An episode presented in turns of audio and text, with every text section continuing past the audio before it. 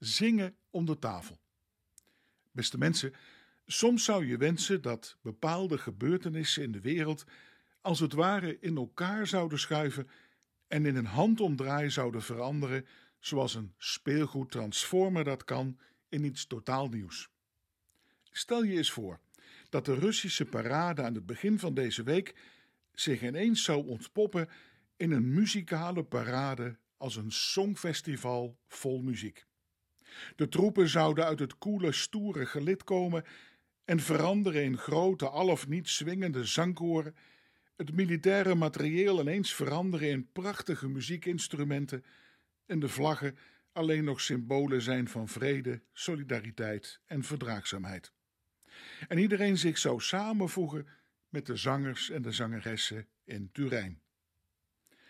Helaas moeten we het nog steeds met twee verschillende werelden doen: die van de oorlog en van de muziek.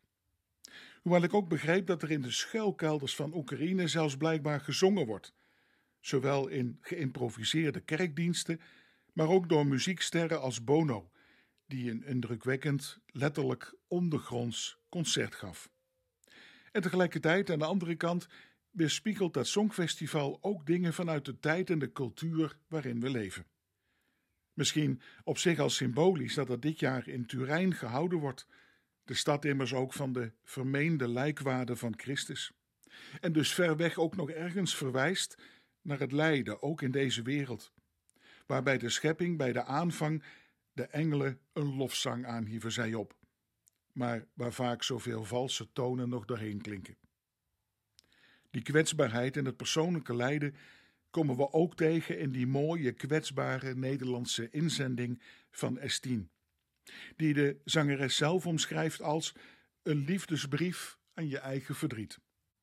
Het is een lied uit de diepte, waar heel herkenbaar ook verschillend lijden in doorklinkt, van dromen die niet uitkwamen, van angst en depressie, en waarin zelfs de naam van God genoemd wordt. Maar God, wat moet ik anders? Wanneer is het genoeg? zingt ze. Woorden die we ook in de Bijbelse liederen, de psalmen, tegenkomen, waarin mensen uit de diepte van hun lijden het uitroepen naar God om aandachtig gehoord te worden, serieus genomen te worden in je pijn en je verdriet en om troost, hulp en uitkomst bidden om genade. Mij trof vooral die ene prachtige zin. Ik schuil onder de tafel en ik hoop dat jij me vindt. Een mens die gevonden wil worden. Ik moest denken aan mijn eigen kindertijd. En zie het ook weer bij onze kleinkinderen, die af en toe behoefte hebben om een eigen schuilplaats te hebben.